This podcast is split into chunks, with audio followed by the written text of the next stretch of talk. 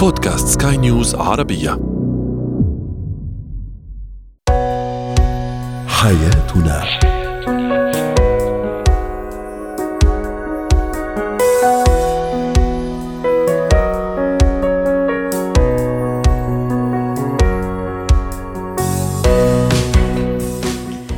مستمعينا الكرام أهلا بكم معنا إلى حياتنا. فضاؤكم اليومي الذي يعنى بشؤون الأسرة وباقي الشؤون الحياتيه الأخرى والذي يمكنكم الاستماع إليه عبر منصة سكاي نيوز dot com slash podcast وباقي منصات سكاي نيوز العربية الأخرى. شاركونا عبر رقم الواتساب 00971 معي أنا أمال شاب. اليوم نتحدث عن جروح الطفولة القديمة هل تؤثر على العلاقة مع الشريك مع الزوجة والزوج وكيف تؤثر؟ ما هي النصائح التي آه، اليوم سنمنحها للأمهات تحديدا ليصبحن صديقات جيدات لبناتهن المراهقات وأخيرا كيف نعلم الأطفال الاتيكيت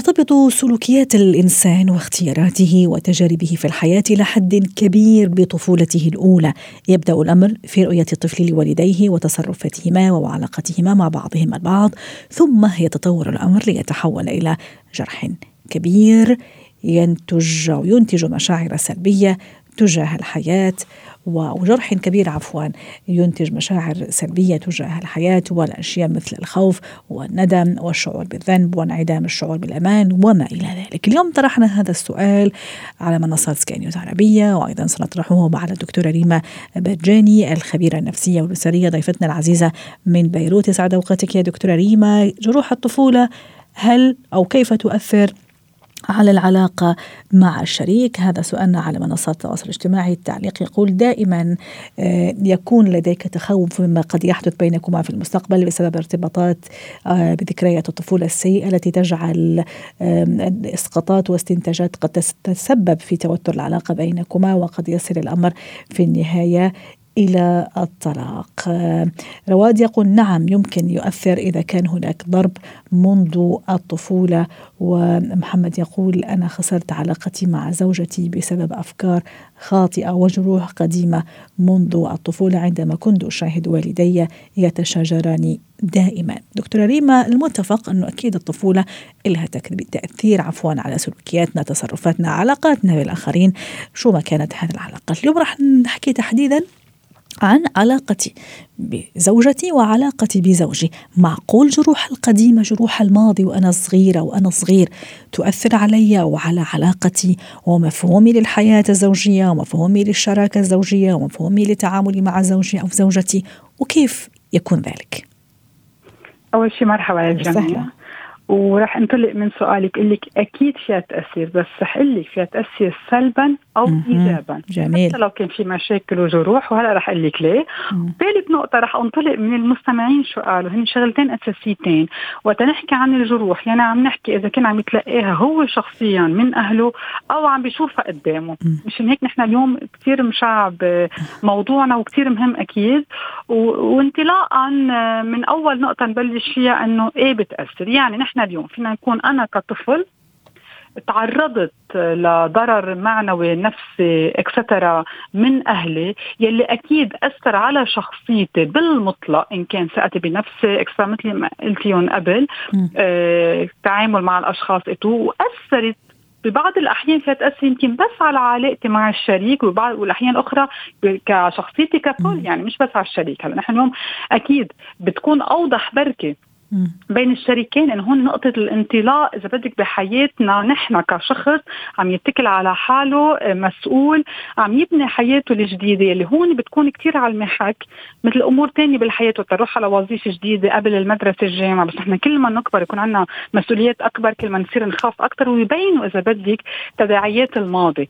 استعمل كلمة نعم. تداعيات لأنه نحن اليوم بصيروا يبينوا أكثر وبصير يبين أكثر مفعولهم السلبي. So, فيها تكون بشيء آه، مباشر أنا شخصيا. أو كمان مثل ما قلنا فيها تكون علاقة الأهل قدامي اللي لها ضرر كمان كثير كبير نحن بنقول. أول صورة لنا بالعلاقة الزوجية هي أهلنا. أول شيء نعرف نتصرف. وإذا طلع الشريك مختلف عني هلا نحن عم نحكي بالإطار الإيجابي لأنه فيها تكون أهلنا كانوا منيح بس عم يتصرفوا بطريقة ما كنا عم نشوفها. هلا بالشريك ما بدي إياها بدي إياها بغير طريقة لأنه هو كمان جاي من بيئة ومع مع صورته اللي عنده إياها عن ال couple. so, كمان فيها تكون عم بتشككوا بحاله وبقدراته etcetera بالعلاقة. نحن نحن بدك النقطه اللي توقفت عليها أنا. وجودي بهذه العلاقة وقدراتي وقديش قادر أعطي طيب. وأكيد إذا كملت معك بالسلبي كمان في ضرر كبير دكتورة قبل كمان ما نروح للسلبي أنا أحيانا عندي مشكلة مع مع زوجتي أو مع زوجي.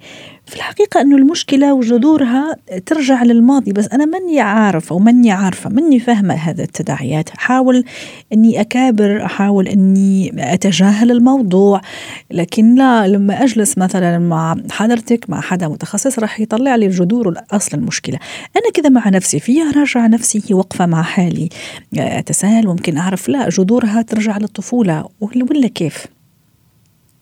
شوفي اليوم النقطة الأساسية إذا أنا وياك رح نرجع للجذور هلأ، الإنسان بالأول بده يعترف إنه هيدا النمط خاطئ أو حتى لو معي حق بهذا التصرف بس لأنه مثل ما كنت عم بقول قبل شوي يمكن أنا هيدي الصورة اللي عندي إياها وبعتبرها صح إنه هيك الأهل لازم يتصرفوا وأنا ككابل هيك عم بتصرف إنه أعرف إنه لا في برسبكتيف ثاني في صورة مغايرة ومخالفة ويمكن يكونوا الصورتين اللي حق فيهم بس اليوم هون بده يكون الشغل علي. فإذا بدك النقطة الأساسية اعترف بوجود مشكلة. هون هيدي إذا بدك نكون معممة على كل شيء بحياتنا تنقدر نعرف على شو نشتغل. وإذا بدك الاذى الكبير والمشكلة الكبيره وقتها هيدي النقطة ما نوصل لها اللي هي النقطة الأساسية تقدر ننطلق من هون ورايح بده يكون في هذا ال brainstorming ال brainstorming كثير مهم بالعلاقة الزوجية. اليوم بدي أكون عم آه، ناقش أفكاري وتطلعاتي وال expectation شو منتظر أنا من العلاقة وليش عم بعمل هذا التصرف مش كون عم برد آه. بس أنا اكون عم فسر وجهة نظري أو أنا ليش عم أقوم بهذا العمل أو حتى أقول عم أقوم بهذا العمل بس ما عم بعرف ليه إن كان تغييري أو استعمال كلمات نابية أو etcetera يعني إحنا أكيد عم نقول تصرفات البشعة أو حتى التصرفات يمكن يمكن overprotective يمكن كثير عم يحكي يحمي زوجته أو كثير تسال عن زوجها. يعني يلي كمان فيها بعض الأحيان تكون عم بتسبب لنا مشاكل. يلي جاية من نمط معين كان بهيدي العلاقة. إذا بدك تباعا فينا نشتغلها بهالأساس. هلا إذا حدا من الشريكين إيش في شيء غلط وهو آه. آه ساعده للشريك الآخر يقول له إنه أوكي أنا ما رح أقدر ساعدك بس ضروري تكون عم بتشوف حدا تقدر يساعدك تكتشف حالك وتعرف هذا التصرف من وين نابع وتقدر تلاقي له حلول. رائع. دكتورة في البداية كمان حكيتي نقطة كثير مهمة أنه مو مو شرط ومو ضروري جروحنا القديمة تؤثر سلبا على علاقتي مع الشريك الزوج أو الزوجة. ممكن كانت عندي جروح في الطفولة لكن يعني ما أثرت. ما أثرت هون لأنه أنا كنت واعي لها وحاولت أني أتفاداها ولا ما كانت وقعها كتير كبير ولا تحمل الشخص يختلف من من من فرد لآخر تحمله هذا لهذا الجروح وإسقاطاته وتفسيراته. وين ال وين مكمل ال يعني وين السر؟ وين الكلمة السر هون في هذا الموقف وهذه المواقف؟ في كذا نقطة رح انطلق لك من آخر فكرة كنا عم نقولها أنا وياك إنه اليوم وقت الإنسان يعترف إنه أنا اليوم هذا التصرف منه سليم ولازم أشتغل عليه. بتتفاجئ أوقات عمل إنه ببعض الأحيان الإنسان بدون ما يروح عند حدا يمكن آه، آه، فكرة صديق قال قدامه أو إنه شاف شيء على التلفزيون. هون قد ما بدك في أعطيك اكزامبلز بحياتنا أنا على طول بقول بيقطع خبرة معينة بتخلينا إذا نحن عندنا القدرات يعني رح أرجع لثلاث نقاط اللي قلتيهم، وحدة منهم إنه أوقات نحن بيكون عندنا يمكن الوعي إلى حد ما، وهون انتبهي عم نحكي عن أولاد أول شيء أكيد صفر 10 سنين، نحن هون الضرر اللي ببلش، لأنه هيدا العمر نحن عم نتلقى كل شيء من أهلنا، ما عندنا بعد الوعي نكتشف شو الخطأ وشو الصح، وعم نتبناهم.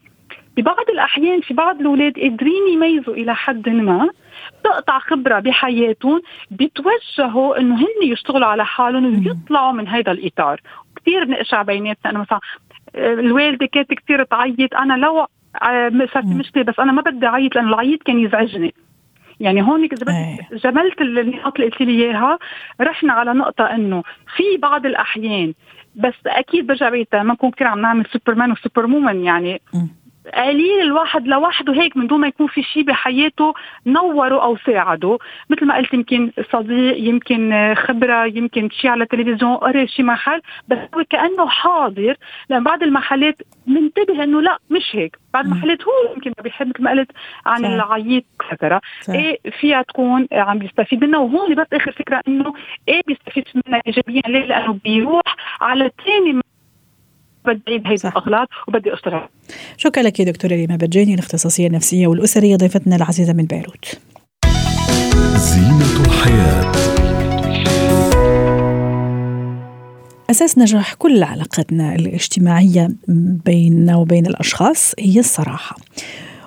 واليوم عن الصراحة وراح نضيف لها كمان الصداقة اللي هي كثير مهمة وأساس نجاح العلاقة بين الأم وأبنائها ولما بدنا نكون كمان نروح لموضوعنا اليوم بين الأم وبنتها المراهقة. كيف أصبح صديقة رائعة وجيدة ومقربة؟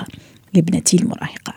رحبوا معي بهمسة يونس الخبيرة النفسية والتربوية. يسعد أوقاتك يا أستاذة همسة. أهلا وسهلا فيك. بنتي في سن المراهقة وما لهذا السن من تغييرات تغيرات نعرفها كلها ودائما نحكي عنها في آه، فقرة زينة الحياة لأهميتها في الحقيقة. ودائما نحب نكون من هالمنبر منبر للتوعية التربوية السليمة والصحيحة.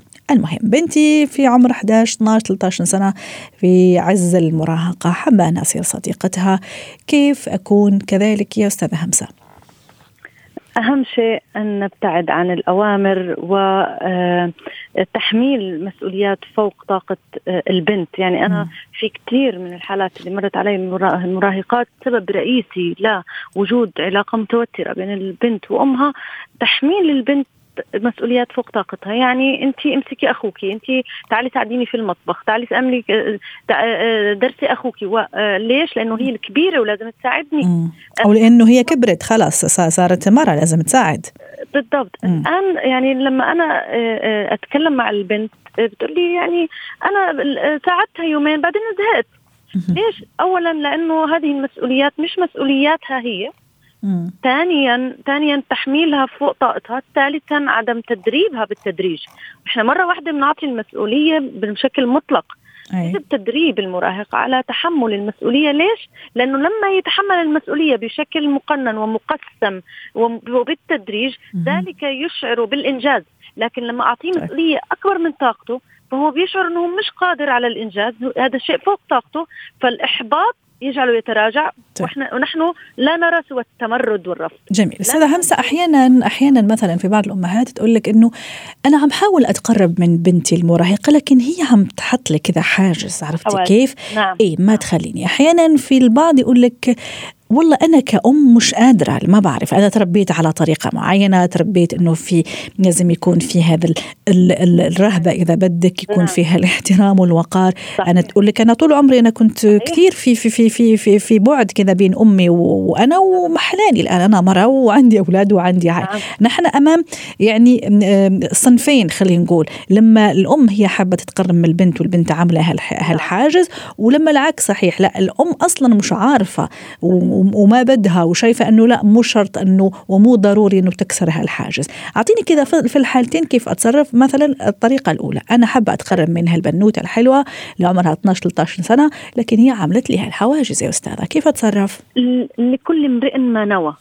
انت هل نواياك حقيقية في التقرب من بنتك لبناء علاقة وصداقة حقيقية أم أنك عم تتقربي عشان أنت خايفة أنها تغلط أو خايفة أنها تخرج عن القوانين أو خايفة أنها تتصرف من وراكي أو خايفة أنها عم تخبي عنك شيء؟ فهمتيني؟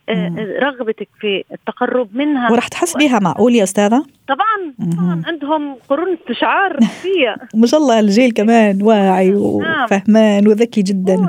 كل نواياكي طب هون الاستغراب إنه لما البنت تجيب لي إياها أنا عندي على المركز وتجلس معي. ليش تعطيني كل اللي بداخلها؟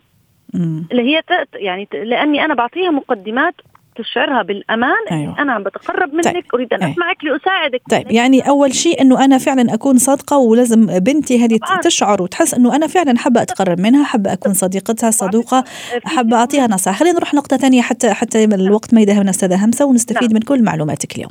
نعم. آه النقطة الثانية آه آه تربينا إحنا على الرهبة من الأمهات م. وبالتالي هذا النموذج بداخلنا لا يمكننا تجاوزه. وهذا ما يجعلنا يعني في حالة صراع أكون قريبة ومحبوبة ولطيفة ومع بنتي ولا آه هذا سيجعلني أفقد احترامي أمامها خاصة إنها ممكن تشوف نماذج من بنات صديقاتها كيف آه ممكن إنهم آه آه قطعوا هاي الشعرة من الاحترام فصار في تطاول آه، من البنت على أمها فخوفها خوفها من الوقوع في ذلك يجعلها تزيد من الحواجز إنه لا لازم يكون في رهبة واحترام للخ... لوجود خلط ما بين إني أنا أكون صديقة لكن م. مع وجود قوانين الاحترام بيني وبين بنتي. رائع. نحن ننسى ذلك. طيب. أه كيف أبني ثقة كمان أستاذة همسة؟ كيف أخلي البنوتة بنوتي تيجي تحكي لي شو صار معها اليوم؟ أه مين شافت؟ مين التقت نعم. أه مين ضايقها؟ مين ضايقتها؟ يعني يومياتها بكل أريحية وكأنها عم تحكي نعم. مع صديقتها من نفس سنها. ذلك يتوقف على أول موقف حصل بين الأم وبنتها. عندما يعني تتشجع البنت وتخبر الأم بموقف حصل معها موقف محرج أو أي موقف ممكن يعني يكون في رد فعل غضب من الأم أو إيه طيب بس انا أحيانا كمان أنا كمان أحكي على لسان الأمهات. أوكي تمام. في نعم. أمهات كثير واعيات آه، من أول يوم عرفت كيف تحتويها وكيف يعني تجيبها لمنطقتها وما تنفرها. في أمهات لا يعني ممكن كانت عصبية ممكن عصبت ممكن ما كان لها خل ممكن ما عندها هذيك التجربة. يعني ما في ما في مجال الاستدراك ما في مجال إني أرجع ابني هذا الثقه للاستدراك طيب. طبعا في مجال للاستدراك بس يكون استدراك حقيقي وإني أنا أيه. فعلا أرجع لحد مختص يعطيني واحد اثنين ثلاثة م. عشان أتلافى الخلل اللي حصل لأنه ذلك الخلل ترك بصمة آه. البنت إنه أنا خلص أخذت موقف هيك حطيت file في مخي تجاه ماما إنه أنا أي موقف ممكن يحصل معي أروح أحكي لها إياه حيكون رد فعلها الغضب والعصبية أيوة. جميل آه، حتى لو أنا كأم آه، خلص قررت أتدارك الموقف لكن البنت خزنت هذا ال file تجاه الأم رائع أستاذة همسه القضاء مثلا أوقات جميلة ممتعة مع بعض حتى أنا يعني أمها يعني أكبرها أكبرها عفوا بسنوات لكن لا مانع وبالعكس شيء جميل إذا طلعنا خلينا نقول سينما رحنا نشوف movie رحنا نعمل shopping مثلا بعض الأنشطة ممكن نعمل سباحة ممكن نعمل بستنة يعني أي شيء من هالأنشطة اللي نعم. لما يعني تعملها مع صديقتها مثلا أنه أنا اعملها مثلا خلينا نقول مرة في الأسبوع. هذا تشوفيه مهم وضروري ويقربني فعلا من من من بنوتي وتصير صديقتي باختصار شديد. إن إني أنا آخذ اهتماماتها مش اخذها لاهتماماتي أنا. يعني ممكن إحنا كأمهات نشوف اهتمامات البنات سخيفة ومش مفيدة وتضييع أيوة. الوقت. صح. لكن إذا أنا نظرت إلى اهتمامات بنتي بعين الاحترام والتقدير إنه هاي هي مرحلتها العمرية بالتأكيد حكون صديقتها. وذلك لا يمنع من إنه إحنا نوجه البنت إلى بعض الاهتمامات اللي الجميلة اللي قد تعزز وقت فراغها وتفيدها. صح. هذا لا يمنع إنه إحنا نوجههم لكن بحب دون الانتقاص من اهتماماتهم. شكرا لك أستاذة همسة يونس ساعتين اليوم الخبيرة النفسية والتربوية بهالنصائح الأكثر من رائعة وأتمنى لك يوم سعيد.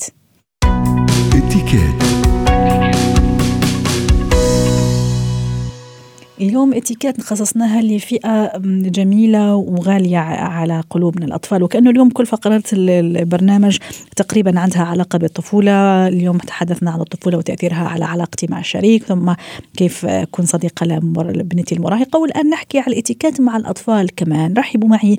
بمرلان سلهب خبيرة الاتيكيت ضيفتنا العزيزة والرائعة من بيروت. يسعد أوقاتك أستاذة مرلان. أهلا وسهلا فيك. حين نسأل شو رح يفهم هالطفل بالاتيكيت بكرة يكبر ويتعلم صح ولا لا؟ ابدا ابدا ابدا. أنا أول شيء بشكرك و... و... طبعا أنا قلت هذا الكلام لس... لس... على لسان البعض ها؟ نعم, أي. شكرا. أنا فهمت عليك دغري لا بالعكس ليكي الأشياء لما بتصير تنعمل بشكل طبيعي آه، مفروض نكون معلمينا نحن نحن وصغار. بتصير الأشياء أهون للطفل وبينفتح له أبواب كثيره آه نحن بنقول إنه بنبلش من عمر آه سنة لسنتين. كثير مهم إنه الأم تضل تقول له للولد مثلا thank you تضل تقول له please هو ما راح يفهم شو بتقصد.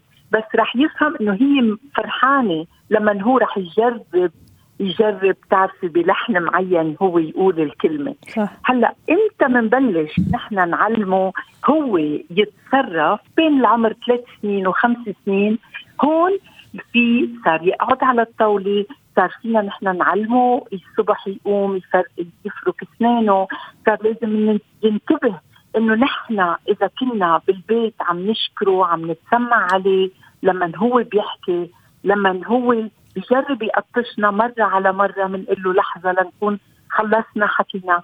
ما فيك تعرفي مدام أمل قد إيه هو بيتعلم هالأمور أسرع لما بيكون هو طفل صغير. صح. والطفل صدقيني بيعرف يحترم أكثر من الكبير وهالشي بيصير شيء كتير طبيعي.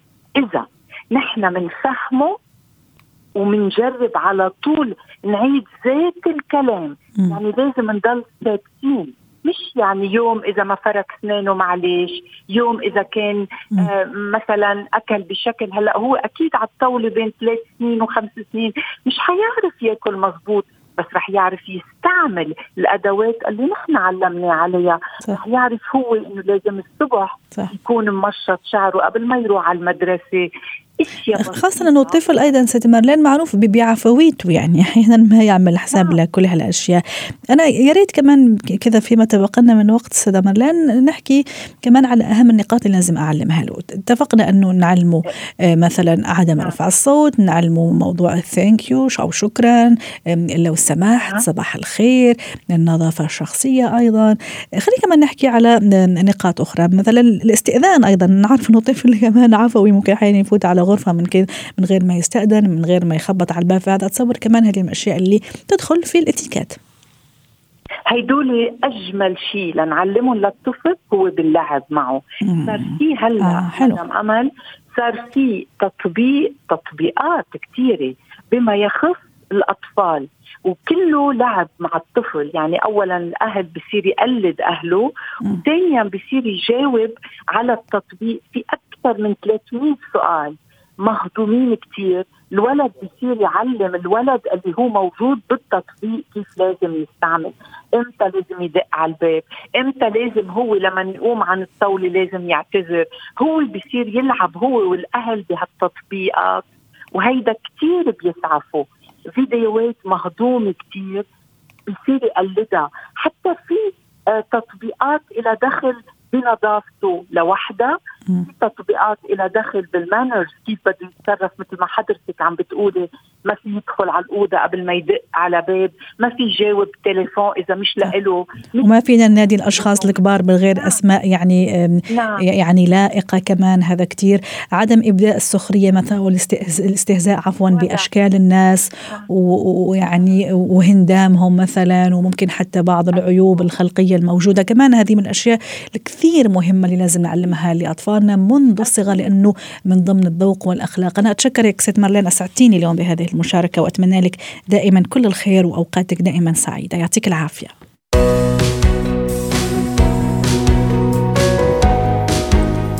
ختام حلقة اليوم من حياتنا. شكرا لكم إلى اللقاء.